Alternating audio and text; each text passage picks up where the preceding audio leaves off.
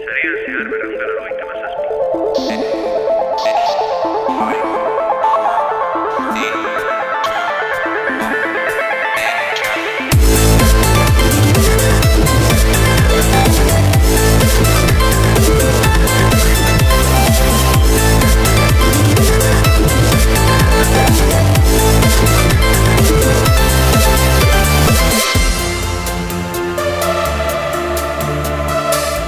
Maiatzaren azken asteetara heldu gara, azken aste hauetan eta ekaineko lehenengotan normalean ekitaldiak izaten ditugu e, ba bueno, e, aktualitate teknologikoa e, komentatzeko eta gauza berriak aurkesteko aurten ez da e, hori gertatuko koronavirusa dela eta dena den e, bueno, ekitaldi batzuk gertatzen jarraituko dira, baina momentu ere e, aprobetsatuko dugu beste gauza batzuetara e, begiratzeko.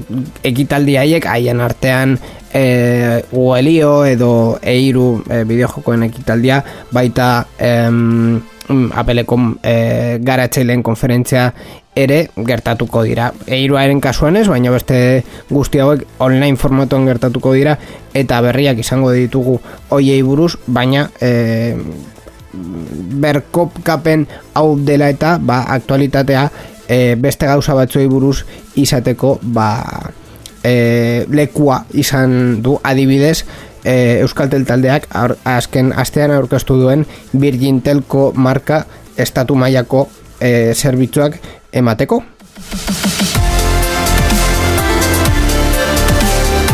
Horri buruz hitz egingo dugu sarean zearen baita ni.eus eh, Euskadiko Euskal posta e, elektronikoko zerbitzuari buruz azken internet egunan punto eus fundazioak aurkeztu duena. E, baita ere beste berri batzuk izango ditugu. Berri askarrek mm, kontuan e, gauzatxo berriak ikusiko dituzue markaden zehar 2000 eta mazazpi berri ikusiko dugulako eta teknologia e, berri guztiak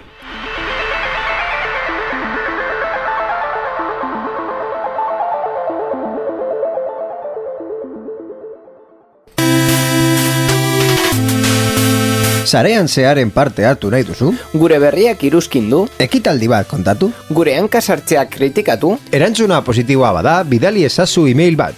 Info abildua sareanzear.eus Gure whatsappa 6 sortzi sortzi 6 sortzi 00 sortzi bederatzi da. Telegram ere daukagu 6 sortzi sortzi 6 sortzi 00 sortzi bederatzi. Gure Twitter eta Facebookeko profiletan idatzi dezakezu ere. Eta ez ahaztu gure asteko agenda. Informazio guztia sareanzear.eus webgunean zuen mesuak itxaroten ari ditugu. Ah, bai? Bai.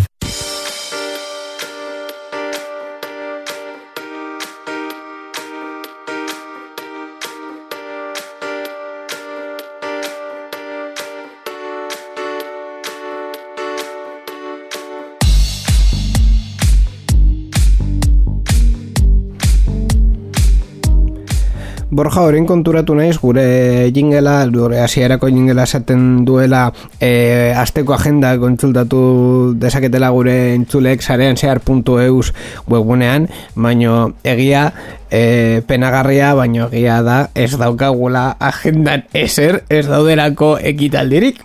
Bai, bai, eguneraketak hemen jarri beharko ditugu gure web realdean e, eta gure programana agian, e, momentua da eguneraketak egiteko ja oso gutxi geratzen da irureun programa egiteko.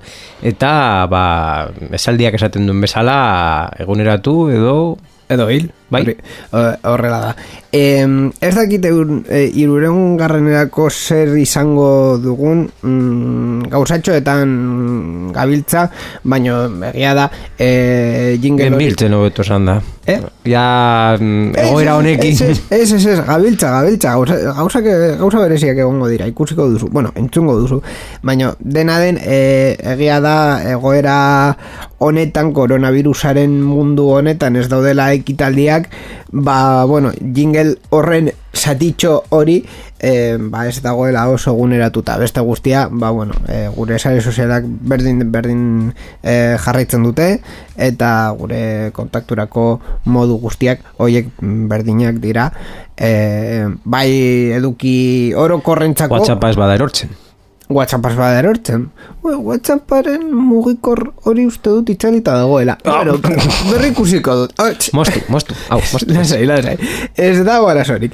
Eh, dena den, ba, bueno, azken boladan amarkaden zehar tragola hori eh, erabiltzen dugunez, ba, horretarako ere gure kontakturako erak dituzue entzule maitiak. Eta ho, esan da, ratxaldeon, Borja, zer modu? Arratxaldeo niño. Ba, bueno, eh, pizkatxo bat eh, normalitatea berreskuratzen, ez? Bueno, Eh, normalitatea. Ai, ama. Eh, en fin, ez, ez nuke esango normalitatea den. Ah, deseskalada pizkanaka pizkanaka egiten dugu eta ja eh, gutxiago geratzen da, esango dugu. Gutxiago geratzen da, zertarako. Ba, Urrengorako, ez dakigu zein izango den urrengoa. gure bizitza ezagutzen genuen bezala berreskuratzeko katxo bat. Me, me. Bueno, eso nahi duzuna, baina Erantzeko ni, ni, ni, ni pizkanaka pizkanaka egiten egiten ari naiz behintzak gogoratzen nituen gauza batzuk. Batzuk bai, batzuk bai, baina normaltasun... Adibidez, jatetxe batean jatea, edo gutxienez, jatetxe baten janaria erostea. Ah, bueno, ja. Ba, ba, bai. edo kafesne bat, edo, bueno, ja, paseotxo bat, Pintxo, edo... pintxoa hartu eta Bai, bai, bai. etxera eman Pintxoa, pintxoa berreskuratu dugu gutxienez. Bai, hori, hori da, baina bueno, beste gauza batzuk ezingo ditugu berreskuratu. Eta badirudi bigarren eh, bigarren eh, kontagio Bai, eh, bigarren txanda. olatu, olatu bat egongo dela, ordun. Eh, hau donostikoek esaten zuten ez da olatu talka, ba hori. ba, olatu talka kontu zerrekin. Eh, Dena den, e, e, duela minutu gutxi komentatzen genuen saioa hasi baino lehen, e, azkenean, e, Mobile World Congressekoek arrazoia zutela. Bai, gogoratzen dugu izan zirela iaia lehenak edo mm, esan gogoratzen Bai, lehenak, eh, hor- lehenak eh, ber, hor bertan bera utzi behar izan zuten ah, bere, bere ekitaldia, baita ere esan behar da beraiek ez zutela bertan bera guzteko asmorik, baizik eta hainbat konpainia horrara juteko asmoa esan zenuen zenuen ez, ez naiz jungo, ba, bat, bi, iru, lau, amar, amabos Claro. uste dut kontaketa amabos konpainira arte heldu zen eta azkenean e, bertan bera utzi zuten eta oraindik ere gogoratzen dut e, entrevistak eta eta elkarrizketak eta artikuluak esaten bueno bai e, behartu gaituzte Bai, bai, em, baino dena den arrazoia zuten. E, Bai. e, e, Mobile World Congress hori planifikatuta zegoen otxaiaren azken utz le- dezagun esan lehenengo, da lehenengo asterako. ondo eginda zegoela Ba- Arrazoia ez eta beraiek ez, Baina- ez zeukaten asmo hori eta konbentzimentua hor ez, ez zegoen izan zen mm, zirkustantziak eta eta egoera baina Claro, ez, zen baina horrekin- ez geni uste dut eta horregatik egingo dut. Horrekin eta gainera gaur egun eh, naita mane- eskoa esan zen. gaur egun manaietzen ditugun e, diskurtsoekin eta bar e, bueno, esaten dut arrazoia zutela baina ez da egia ez dela hori enbeste atzera botatzen ba bai e, ondo egin zuten edo sorte, sorte on izan zuten haien haien aukera edo egoerarekin e, beste batzuk ez, ez zuten zuzenago esateko esan dezakegu eh, Mobile World Congressara jun nahi ez ziren konpainiak arrazoia zukatela Bai, Hori bai, baina daiteke. bueno, arrazoiarena baita ere kakotzen artean e, azkenean ez delako arrazoi kontua, azkenean da zure e, erabakietan e, sorte izatea edo mm, bueno, e, bai, apostuak bezala, Bai. ez? E, zu apostu bat egin dezakezu gauza mm, baten alde edo bestearen alde, baina inork ez dizu bermatzen hori apustu ona izango izango denik, ba, kasu honetan. Mm, bueno, Horrela da. Horrela, horrela izan da baita.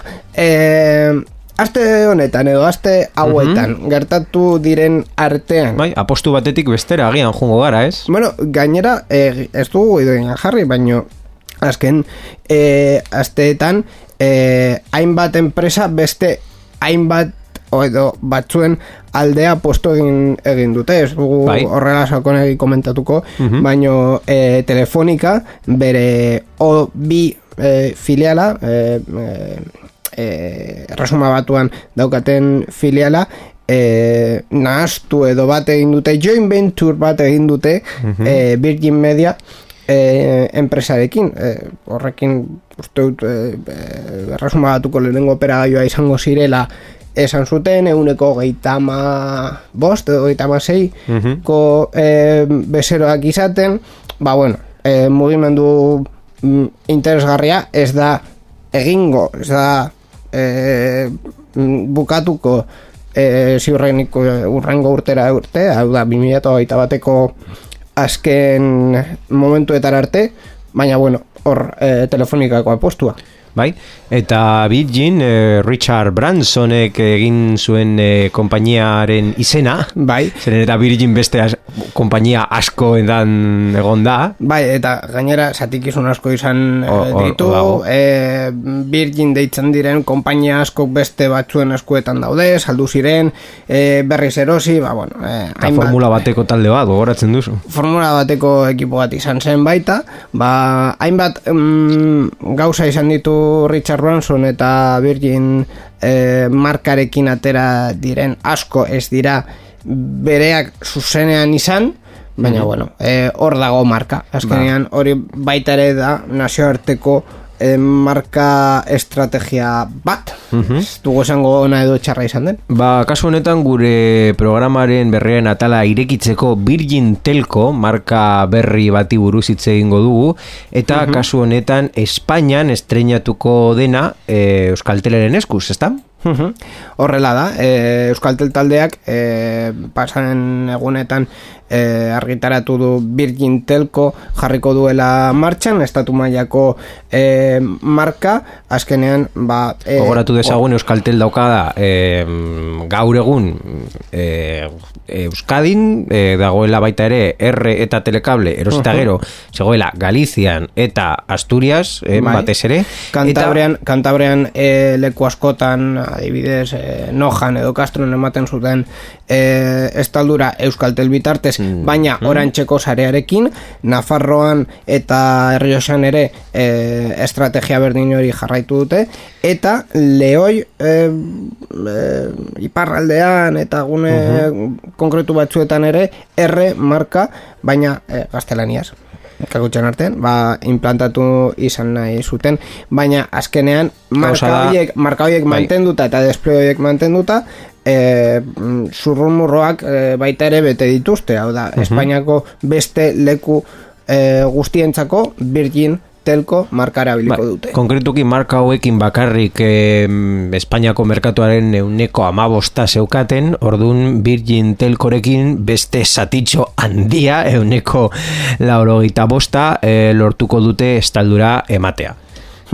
Estaldura hau gainera izango da orantxekin e, bat egiten bai e, zuntzeko em, azpiegitura erabiltzeko baita goikorreko e, azpiegiturarako. Hau da, mm, gaur egun e, Euskaltelek e, sarea zuzenean ez daukan leku guztietan orantxeko estalduraren bitartez Bai. ematen du Beren zerbitzua. aliantza nagusia jarraituz. Hori da, bai Virgin Telco, bai Euskaltel R edo Telekable markak erabiliz.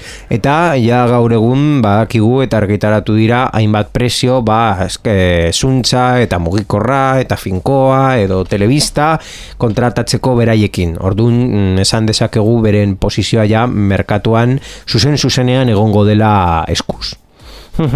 Eskuragarri, markatu. Bai, es, eskuragarri hori da. E, presioen atalan gainera, e, nire txat oso estrategia inteligentea jarraitu dute, hau da, zuntza eta moikorra e, ematen dute, eskaintzen dute nagusiki, em, permanentzia barik, hau da ez, ez duzu hilabete batzu konkretuetan e, kontratatu behar e, zerbitzu hori, eta e, mm, telefono finkoa edo telebista nahi baduzu, ba, hori ja osagarria e, izango da. Konkretuki, e, irureun mega hogeita mairu euroren truke, hilero, e, finkoan, hau da, e, zuntzan, eta mugikorrean hogei giga e, nahi baduzu 6 euro e, 6 euroren truke, deiak e, limite, limite gabekoa, e, hau da, ne, ne dituzun deiak egin ditzazkezu, eta e, limite gabeko gigak ere nahi dituzu, hogeita bederatzi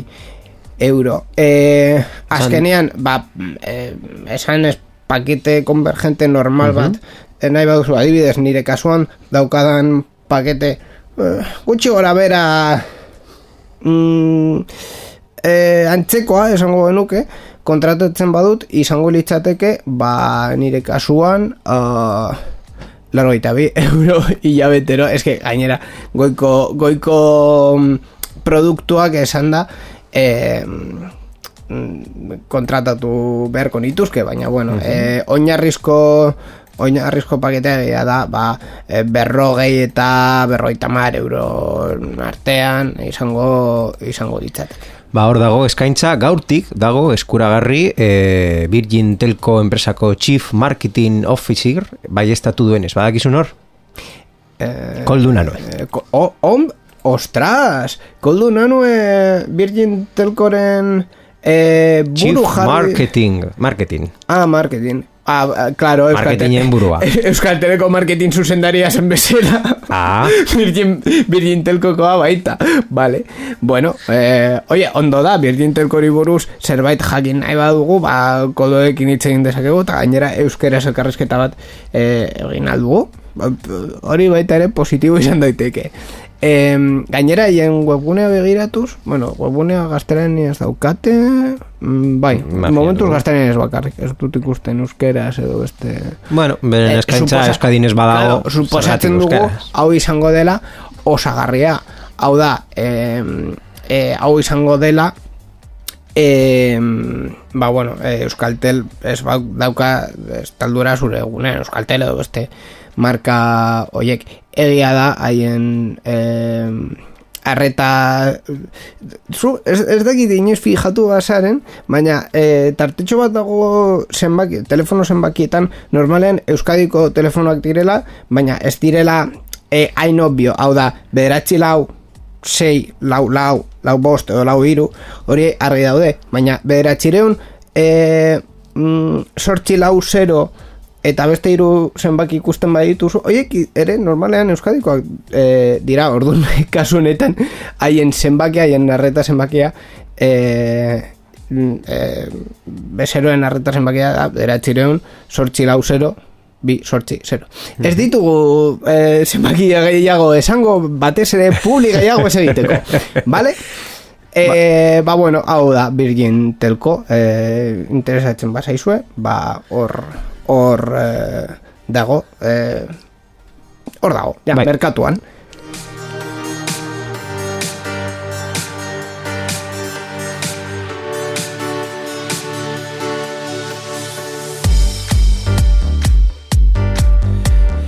Eta, bueno, eh, hau da, ez da eroskita bat izan, eh, egia esan da, e, merkaturatxe bat izan da, baina beste eroskita bat eh, komentatzeko e, Beste apostua, gaur eh, gure programa apostuei buruz doa, o gutxien esat, mm, berrien atal, atala apostuei buruz doa, eta eh, kasu honetan apostua egin duena izan da Facebook eh, Gifi enpresa edo zerbitzua erosterakoan laureun milioi dolarren truke. Laureun milioi dolar. Bai. Mm, oso polita, e, poltsikoan ematen dituenak, egunero. Bai, bai, mm, tal, talonarioa hor atera du Zuckerbergek eta esan du gif, gif guztiak, zenbat erosin dituzu, zenbat, eh, ba, me, me, me, guztiak, ja, venga, Claro. zenbat, eh, Gifia ezagutzen ez baduzue, e, normalean e, aplikazio popularretan, hau da Instagram, Facebook, Twitter, Whatsappen, e, gif bat bi, e, bilatzen baduzu eta zuzenean bertan aplikazioan agertzen badira gif hoiek, gifi zerbitzuarekin e, konektatuta daudelako e, gertatzen da. Orduan, ba, gifi hau azken e, urteetan mm, presentzia asko izan du e, sare sozialekin e, integratu delako eta ez dugulako bilatu behar gif hori hor interneten edo non, baizik eta aplikazioan bertan daukazulako, eta horrek, eh, zerbitzu horrek, gifi ematen du. Telegramen ere? Agian iraina jasako dut hau esateagatik, baina esplikatuko dugu zer da gif- bat. Ez! bueno, a ver, eh, es. Agian, eh, gif, er, ikuste, gif, ze, ze kontxo da hori? Ni- ni ez nuke- Gauza teknikoak ez esan, inigo. Ni, ni ez dakit zer konkretuki eh, den gif bat gaur egun. Eh, bim, eh, Baina, no- nola esplikatuko zenuke norbait, eh, pen- pentsa zazu orain mezu bat jas, jasotzen dugula gure kontaktuarako mm, em, metodo bakoitzen, ba, bat, batean. Eta Bai. esaten duela, inigo, esplikatu zer den gif bat, ez dakida. Hori, hori... Mm, zaila izan daiteke, eta esango dizut zergatik. Esango dizut- Teknikoki ez, Esango dizut zergatik. ulertzeko da. Em, eh, Ikusi bal baduzu, laro- jakiteko. Laro gaita marga, laro, bai, laro gaita margarren amarkadan, eh, oso erreza zen gif bat zer zen asaltzea, webune batean sartzen zinenean, zerbait bazegoen mugimenduan, hori gif bat zen. Eta hori gainera, e, zen formatu konkretu bat, e, artxibo formatu konkretuak, bat, non hainbat irudi zen euskan, e, bata bestearen segidan, eta denbora bat pasatzen zen bata eta bestearen artean. Hori gainera zen e, azalpen oso tekniko eta oso erraz bat, eta gainera eske realitatea zen. Gaur egun, sare soziale askotan, e, soinu gabeko bideoak ikusten ditugunean, e, izan daitezke gifak, edo izan daitezke bideoak. Eta gainera teknikoki, kasu askotan bideoak dira, e, mm, az- azkenean errazago delako bideo bat bidaltzea, eta gifak e, kalitate pizkat txarragoa dutelako. Baina gutxiago katxe- pisatzen dute. katxe mobidak eta bueno gauza oso teknikoak oso komplexuak orduan adibidez Twitterren gif bat e, ikusten baduzu normalean bideo normal bat da baino e, behan es, eskerrean jartzen du gif eta gainera ez daukazu denbora marra.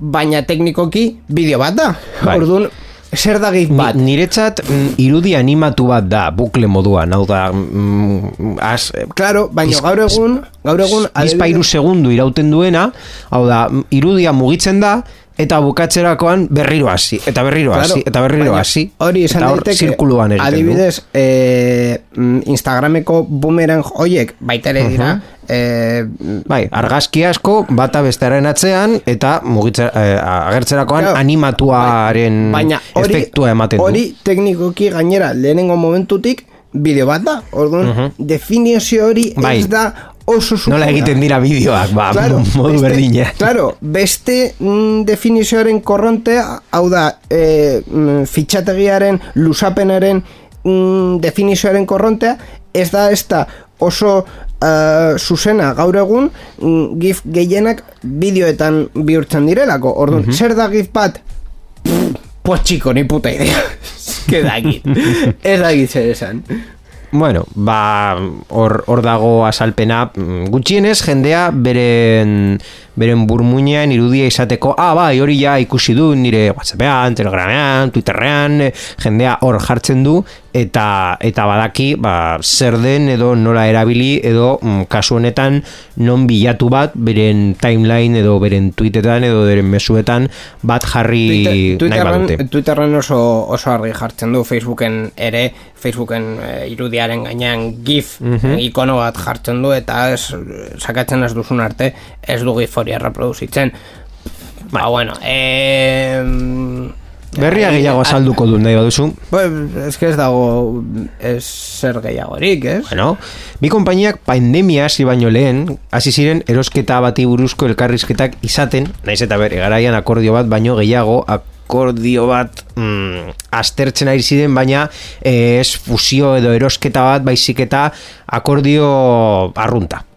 Horrela, Gifik marka izena mantenduko du eta bere integrazio nagusia Facebookeko Instagram plataformaren bidez egingo du. Orduan zuk Instagramen erabiltzen bazenun e, konpainia honen irudiak, ba, errazago izango da edo integrazio nagusia jasango dute. Uhum. Eta konpainiak esan behar da zeireun milioi dolarreko balioa zuela, ordun merkea erosi dutela.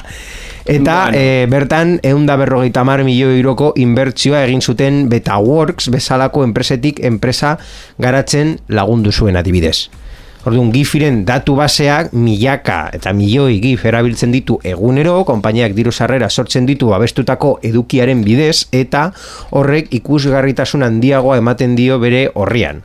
Facebookeko iragarkien salmenta duen esperientziarekin eta marketing potentzialarekin, ba, seguru etekinak lortzeko modu gehiago aurkituko dituztela negozioa oso errentagarria bihurtzeko edo gutxienez hori da bere beraien e, asmoa. Naiz eta Facebookeko oraindik ez du jakin WhatsAppen erosketa errentagarri bihurtzen eta horrekare gehiago handitu du bere balioa 2005ean egin zuen erosketaren ondoren. Hau izan da, ma bostean uste dut? Zer? Eh, eroske, eh, bueno, erosketaren eh, berria.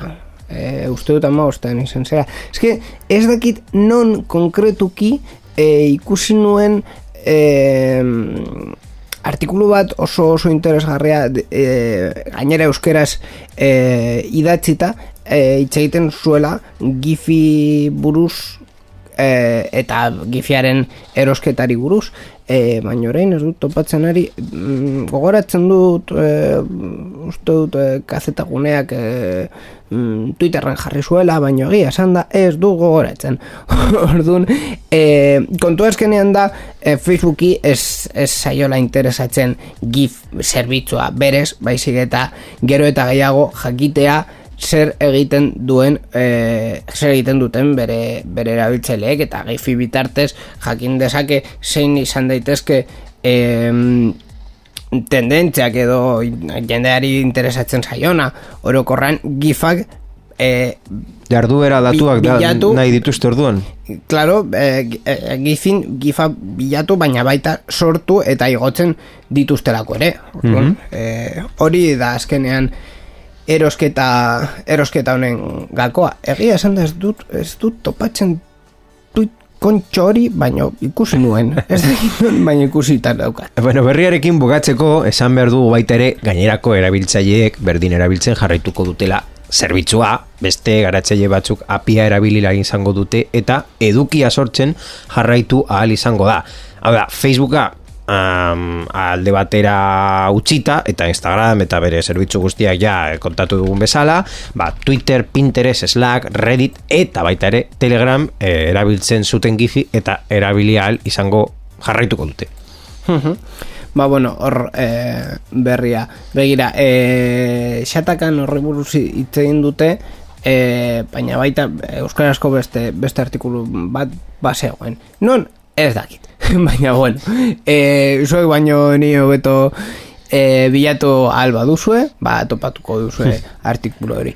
Euskarari buruz hitz egiten eta konkretuke euskarazko komunitateari buruz e, hitz egiten hasieran komentatu dugu ere, e, internetaren egunarekin batera, e, puntu eus fundazioak, e, puntu eus domenioak e, mantentzen dituen e, fundazioa aurkeztu du ni puntu eus zerbitzua euskarazko posta elektronikoko e, zerbitzu bat gutxo gora bera gmail bezelakoa ba horrela mm bai, e, konkretuki e, entzuen edo gure kasua mm, bada e, puntu eus domeinu bat erosi duzuela ba, guzure web horri aldea puntu eus domeinu bat izateko hmm. agian, urrengo pausu bat izatea e, hor e, akontu bat, imeileko akontu bat non jarri dezakezu adibidez EITB arroba ni puntu eus edo sarean zehar ez, ez duzu, arroba ez ni puntu eus. ez duzu ondo asaldu hau da, e, zerbitzu honetan ni puntu eus zerbitzu honetan bi aukera daude. E, puntu eus domenioak domeinu bat ez badaukazu uh -huh. que gainera Google berdin berdin egiten du. Zu, ez, daukazu, ez badaukazu domeinurik zu sortu dezakezu um, gmail.com gmail.com bezalako akontu bat, baina uh -huh. honetan izango da ni punto eus. E, irek, irakurri duzun berrian esaten zuena itb, itb.eusetik hartu dugunez ba, eredua jartzen zuen itb abildua ni punto eus. Hori aukera bat da. Zure eus domeinua badaukazu beste aukera daukazu e, email e, zerbitzua bai, email zerbitzua eh, honetan integratzea, hau da, ni eus bitarte zure du menu propioa erabiltzea. eh, adibidez, ba... Eh, Infoa bildu bazarean zegar puntu Gu eus. daukagu ni infoa bildu bazarean puntu eus, eh, izan daiteke ni puntu eus kudeatutako email zerbitzu bat. Ez da gure kasua, oso hipia garelako eta gure kontuz eh, montatzen ditugulako gauzak, baina bueno. bai, Hau da, esan dezakegu gure mm, entzuleak hobetu ulertzeko ni puntu zerbitzu hau Gmail bezalako euskerazko zerbitzu bat dela. Justu, justu lehen bi esaldietan esan dudan. Konklusio orokorra. Hau labur bilduz, bai, ni puntu gmail bezalako zerbitzu bada. Gutxi gora bera. Baina gea da, e, puntu eus fundazioak mantentzen duenez, pribautasuna, e, en fin. Bai, e, haren beste- sortzaileak azaldu dutenez, pribautasuna da ni puntu eus posta zerbitzuaren bere izgarrietako bat. Ez du iragarkirik erakusten, ez erabiltzailearen inolako jarraipenik egiten, eta komunikazioak zifratuta daude. Eskertzekoa dena. Bai, bai, honetan ba, be, beste email zerbitzu bezala zuen mugikorrean ordenagailuan e, edo non izan dezakezue eta bueno, e, doainik da gainera. Orduan, hor daukazue, elbidea oso erresa da, ni puntu eus. Ez dakit zenbat aldiz esan dugun berrian zehar. Beste ni batean. puntu eus. Ni puntu eus. Hori da. Em, koronavirusari buruz hitz egiten jarraituz, baina oso gutxi oso gutxi, ze azkenean e, berri teknologikoak e, azken boladan ez dira konkretuki e, honi buruz, baina egia da e, bere momentuan e, pandemiako lehenengo momentutan jakin genuela e, Google eta Apple e, COVID-19aren e, jarraipen sistema bat bilatzen ari zutela eta e, bueno, bilatu baino egin e, egin behar izan e, dute. Azkenean e, ba bueno e, mugikorren bi fabrikante nagusiak e, direnez e, ba bueno e, ondo dago haiek bi e, elkarlana egitea. Eta mm, badirudi ja e, bukatu dutela, pres daukatela, eta bueno, e, gia da e, osasun kontuak direla, direla eta ba, gobernuen e,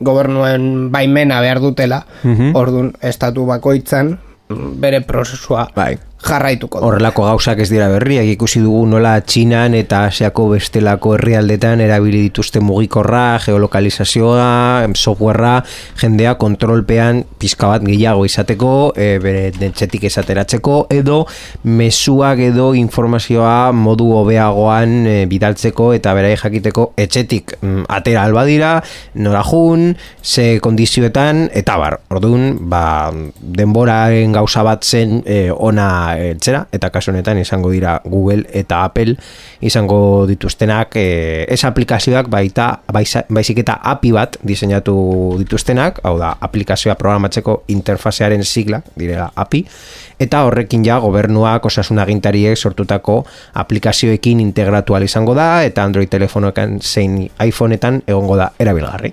Mhm.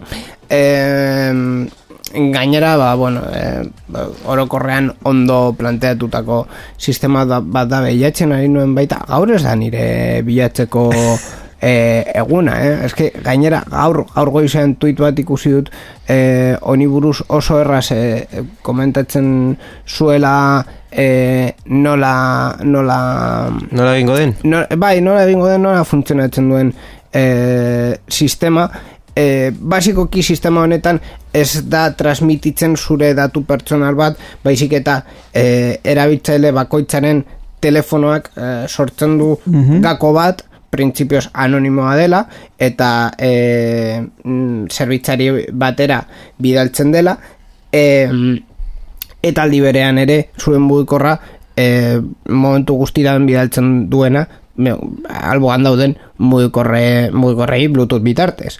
Orduan horrekin e, bakoitza izango du beste e, egon den gertu egon den beste pertsona baten e, gakoa eta bakarrik pertsona hori markatzen duenean em, kontagio bat izan duela edo edo e, positibo eman duela e, COVIDeko froga batean zerbitzarian e, gordeko dela bere gakoa eta positibo edo negatibo bada ez beste, ez beste ezer Orduan muikor bakoitza bakarrik daki bere gakoa eta besteena baina datu pertsonalak ez daude. Orduan e, horrekin e, egiten da gutxi gora Berri behera. on bat beraz esango dugu. Bai, horrekin egiten da gutxi gora bera sistema guztia eta e, mailaren, osea, suposatzen da e, guztiz anonimo eta pribatua izango izango dela. Baina bueno, e, hori da gutxi gora bera sistemaren azalpen teknologikoa. e, eta bueno, mm, ba, hori, hori, basikoki, hori. Em, mm, vale, Zer- Zer es que- buruz nahi, hitz egin nahi duzu Claro, gehiago? es que, es que, es que gauza asko ditugu orain ja eh, es- eskuen artean. Eh, amarkadan zehar daukagu, gaur 2008 komentatuko dugu, baina baita, eh, pasaden programan eh, berri askar hoiek hain ondo atera zirenez, ba, eh, berri askarren eh, ideia eh, rekuperatu, berreskuratu eta eh, lusat, lusot, lusatu dugu. Eta baita ere titulola daukagu, orduan, Atal berri baten e, jaiotza ikusiko duzue, lagunok. zuzenean gainera. E, orduan, zertagoaz, e, amarkaden zehar, berri askarrak, Frogatuko dugu berri askarrak. e, berri askarrak, berri askarrak, amarkaden zehar, eta titulol. Bai, Venga, guazen. Berri askarrak, sarean zehar. Bueno, gure lehenengo berri askarra Apple buruz doa, Apple Glass izan da. Lehenengo berri hau Appleren errealitate areagotua daukaten betaurrekoen presioa iragazi da, bueno, iragazten da ez bakarrik presioa, baizik eta betaurrekoak betaurrekoik dituen hainbat e, detalle eta hainbat gauza nola funtzionatuko duten. Mm, hain zuzen ere e, izango dira Google Glass proiektu hor bertan bera geratu zen bezalakoa, hau da non beraiek argitaratuko dituzte betaurrekoak izateko, hau da ja mm, betaurreko arrun mm, bat, mm, batzuen arabera iz, egindakoak izango dira eta esan dudan bezala beren presioa bosteun dolarren truke izango da salmenta Hala ere, itxoin zeren eta lehenengo berriak dira eta mm, aurkezpena egiteko asmoa e, urte honetan zegoen beren WWDC garapenen e, hor e, azokan, baina ez da posible izan egitea, orduan denborarekin gehiago jakingo dugu. Betaurrekoekin ikusteko moduko presioa. Berri gehiago. Berri gehiago, Google'i buruz hitz egingo dugu, Appleri Googleera, ba Googleek beste produktu bat garatzen ari da konkretuki zure musika adibidez entzuten ari zarenean ge, azkarrago pasatzeko eta nola zure kordoia ukituz, hau da, badakizu, bueno, ja mm, jende gutxiago dago mu, musika entzuten duela aurikularrak kablea dauzkatenak, zeren ja eh, Bluetooth erabiltzen dituzten aurikularrak eta Airpodak eta ba Google kablera bueltatu nahi da eta nola kable oso oso berezi bat garatzen konkretuki eh, hasi da garatzen enpresa batekin eta kable trentzatua teknologia e-textil microinteractions deitzen den oso izen eh, erraz batekin eta zuk eh, kable hori ukitzerakoan gestoak egiterakoan ba urrengo mm, abestia pasatu nahi duzu edo volumena igo, jeitzi edo zerbait bilatu hor- horrelako eh, gauzak eh, bihurtzen ditu komando bezala Mhm.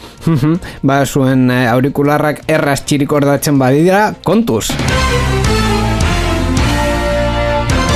Eta azkena, Gure azken berriarako Frantziara pasatuko gara, zeren Frantzia eh, beste sententzia, ez barkatu, Frantziaren gobernuak eh, lortu du eh, kontenidu eduki ilizitoen eh, sare sozialetan publikatzen dena, adibidez eh, eduki pedofiloak edo eh, eduki terroristak, e, zaretik kentzeko ordu bat baino gutxiagotan egiteko e, lege bat argitaratu du. Eta e, ordu bat baino gutxiagotan ez bada kentzen ba kontuz Twitter, Facebook plataformak. Zeren oso azkar ez baduzu kentzen bere zure mm, diru sarren euneko lauko izunak jasan dezakezu?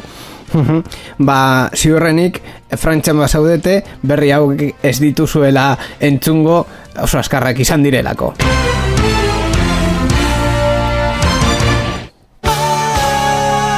Amarkadan zehar. Eta berri askarretik amarkadan zehar e, e, atalara pasatzen dugu. Bizkor, bizkor eta askar, askar e, 2008 berreskuratu eta bir pasatu nahi dugulako azken e, amar saio hauetan amarkada guztia berrikusten ari dugu eta zuen e, parte hartzea ere espero dugu amarkadan zehar traola erabiliz batez ere Twitterren hor komentatzen e, diguzue ze iruditu zaizuen ba, 2008 edo orokorrean azken amarkadan e, gertatu direnak eta hemen saioan komentatuko ditugu eta 2008an zer gertatu zen Borja Maitia? Bueno, 2008an ba, lehenik eta behin esango dut mm, urte guztietan esaten dudana Applek iPhone berri bat aurkeztu zuen eta hori mm, gauza oso esanguratsua izan zen. Kasu honetan, eh, iPhone isa. Ah, begira, hori bai interesgarria izan zela Face ID uh lehenengo aldiz eh, aurkezten zutela eta, bueno, eh, interesgarria izan zen. Egia da, ba, urte, urte guztitan eh, dagoela iPhone berri bat, baina, bueno, bai. hori, hori da enbuikorretan... Baina ia, ia pantalla guztia erabiltzen, markorik gabeko pantalla guztia erabiltzen zituen mugikorretakorik lehenengoa edo ia, ia lehenengoa izan zen, notch sistemarekin, hau da, uh justu lagrima edo puntutxo bat zatitxo goian jartzen zuena eta hortik aurrera mugikor asko kopiatu dizen, duten diseinua. E, baina bueno Samsung ere urtero fijatu Samsung urtero ere mm, e, aurkezten duela mugikor bat baina aiei buruz ez dugu laitze egiten. Bai, bai. azkenean Apple bere helburua bete du, lortu du. E, aiei buruz hitz egiten dugu haien plataforma bakarrak direlako. Mm. Bai, bai, horrela, horrela da.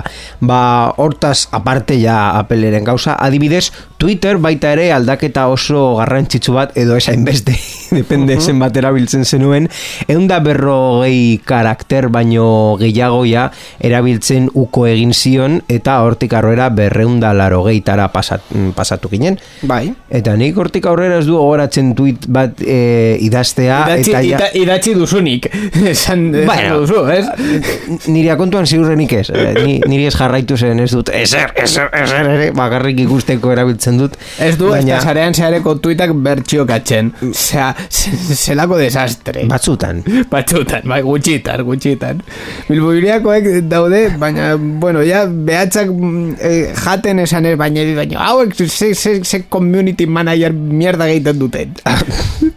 Claro, haiek... Ba, ni ez naiz community manager, hori izango da zuen arazoa. ni zaren zerekoa kontuan eta nirean ere bertxokatzen dut, baina haiek astero jartzen dute tuit bat, zuri aipatzen arroba borjarbosa, bueno, eta zu ez duzu zer. Utz nazazu bakean. Ah. Urte horretan baita ere, e, Europar batasunak burutu zuen azkenean ruminaren bukaera. Ai, azkenean. Azkenean. Iru, hau izan zen. esan zutena egingo zutela. Hori da, hau izan zen iru urteko eh, ardunaldi bat, eta ja, eskenean izan zen, bueno, vale, ja, ja. Bai, eta bibia eta mazazpian eh, burutu zen, hori da. Baita ere, bibia eta mazazpigarren urtean, zarearen neutraltasuna arriskuan jarri zen lehenengo momentu batean, estatu batuetan. Estatu batuetan. Bai. Ai, zarearen neutraltasuna ergemagoak dira. Baita ere, 2008an e, ikusi genuen nola ziber erasoak, adibidez famatuena izan zen WannaCry, baina uh WannaCry baita ere e, alde batera utzita, nola e, ziber eraso masiboak eta ransomwarea e, popularra egiten hasi zenean, eta e, ez dut gogoratzen 2008an agian urren urtean gertatu zen non telefonikan agertu zen e, ransomware eraso oso, oso importantea. WannaCryrekin izan zen, eta gainera WannaCry bai ezagutu genuen hori izan zera eta eta gutxi gora bera, gutxi gora bera, e, aurten e, kadena zer eta beste leku askotan gertatu den e,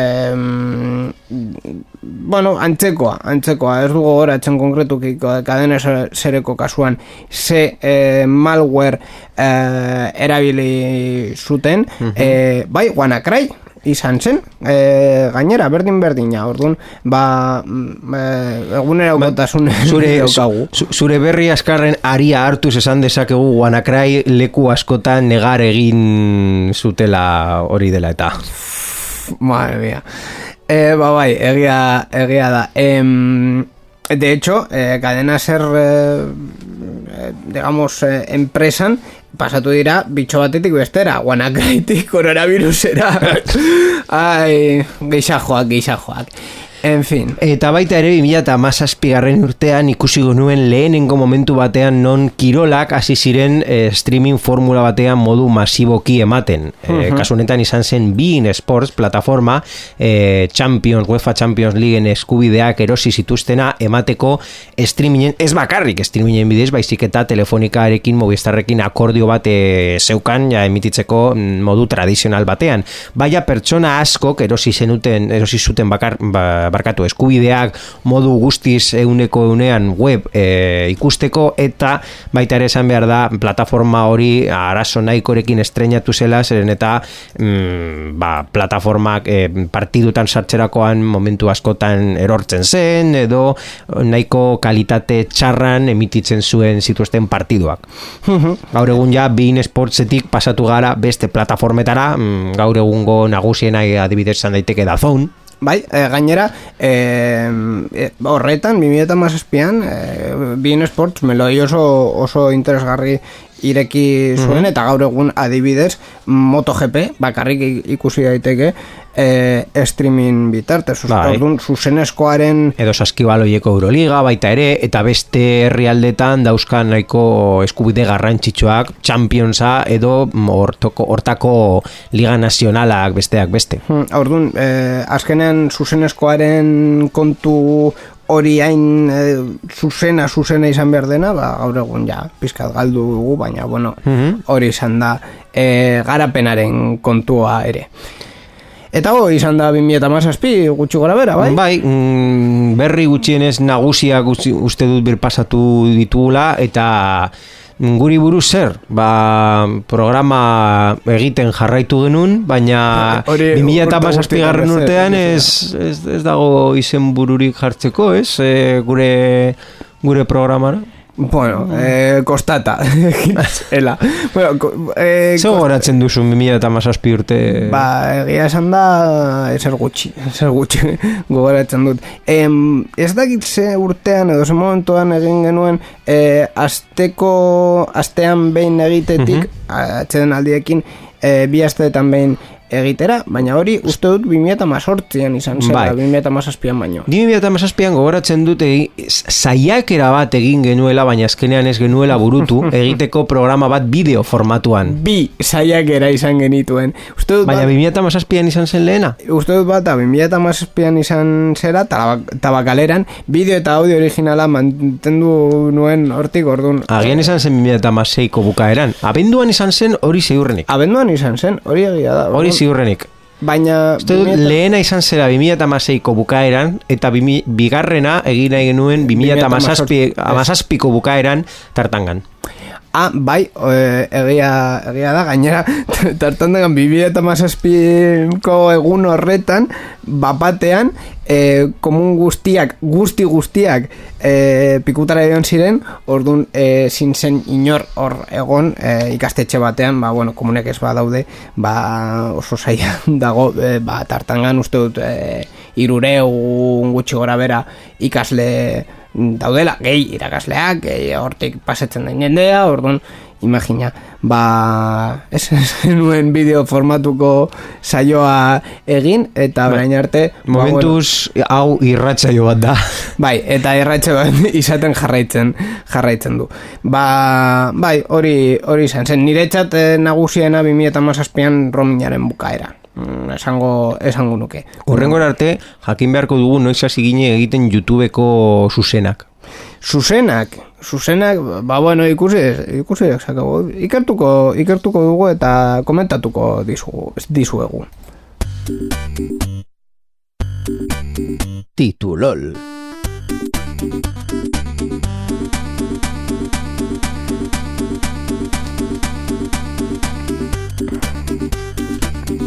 Motorra izorratu da, bai! hor utziko dugu gure perlatxoa bai, motorra izorratu da, baina bueno, titulol eh, egingo dugu eh, saioa beti, bueno, saioa bukat- bukatu baino lehen, eta, ba bueno, eh, beti bezala, ni momentu pero suposatzen da ikusi ez dudan berri bat e, komentatuko dugula, harritzekoa edo sorpresakoa edo barre egitekoa e, ni txorrada eta berri asko ikusten ditut interneten orduan gero eta saiago izaten da normalean Bai, hori egia da. atal hau e, normalean e, lehenengo esaldean e, e, esaten dut bai ikusi dut ba, bueno, e, ikusiko dugu gaur zer daukagun Ba ez dut nino programa hau bokatu nahi apeli buruz berriro ere hitz egin gabe. Kasu honetan, e, seguruenik dakizuela, e, apelek aurkeztu duela orain dela, mm, ja, hilabete bat uste dut, azkenengo iPad Pro bertsio berria, non funda bat daukazu, e, hor iPad Proa e, jartzeko, iaia, esan dezakegu, suspentsioan, ez da, ez da e, iPad Pro airean geratzen dela funda horrekin. bai, bai, bai Ikusi duzu funda hori? Bai, ikusgarria da gainera, eh, iPad, ba, bueno, hainbat mm, posturetan edo eh, kokapenetan jarri daitekela, baina eh, aparatoa bera, suspentsioan hor mantentzen da. Egia da trukoa daukala, hau da, eh, eh, funda hori bakarrik iPad Pro guztia, baino uste dut eh, hogei gramo gehiago pisatzen duela, iPad Pro mm, gutxi gora bera, zireun gramo pisatzen du, orduan funda, beste seireun gramo jartzen dituela. Gainera presioak ez dira pelen puntu gogorra eta horrelako funda bat nahi baduzu, ba ia irureunda berrogeita mar dolar gehiago eh, hor utzi beharko dituzu hori erosteko. Ba Gauza horiek nahiko ideia onak ematen dio bestelako fabrikatzaileei eta eh, Pad and Quill deitzen den fabrikatzaile bat fundak fabrikatzen dituztena esan du, ba bueno, e, irureunda berrogeita mar euro gastatu baituzu hain funda oso polit batean, ba guk e, salduko dizugu funda bat fundarako. Beste eun dolarren truke, noski. Jode. Hau da, zu- zure funda ez... Eh, Ez izorratzeko. Ez izorratzeko. Ez, ez eh, markatzeko, bai. Eh, Orduan ja, e, emaitza, dakit. e, erakutsiko dizuzen ikustekoa da, emaitza ja sandwich bat bezala geratzen da, e, hor e, iPad erdian geratzen dena, eta hemen ja funda eta, fundaren hau, funda. et- eta hau eun euroren truke. Bai, bai, bai. Da, fund, o sea, hau... Apple presioak dira. Claro, hau... hau Bueno, hau ez da Apple, baina beraiek... baina, baina ikusten baduzu eh, Karrora igotzen edozein- dira. batez ere eh, irudi hori itxita badirudi hogei euroren truke erosi dezakezun funda bat hainbeste lodierarekin eta Begira, abesti bat egin dezake, e, egin dezakegu honekin. iPadeko sagarraren apeleren fundan, fundaren fundan. Madre mía, madre mía. En fin, programa bukatu behar dugu lehen bailen Hau ja, eh, en fin, ez dago geidaririk hemen, ez dago Irratsaio hau Creative Commons aitortu ez komertziala partekatu berdin lau puntu zero nazioarteko lizentziarekin banatzen da. Horrek esan nahi du gure edukiak nahi beste partekatu ditzazkezula. Informazio gehiago nahi baduzu josareanzehar.eus webgunera.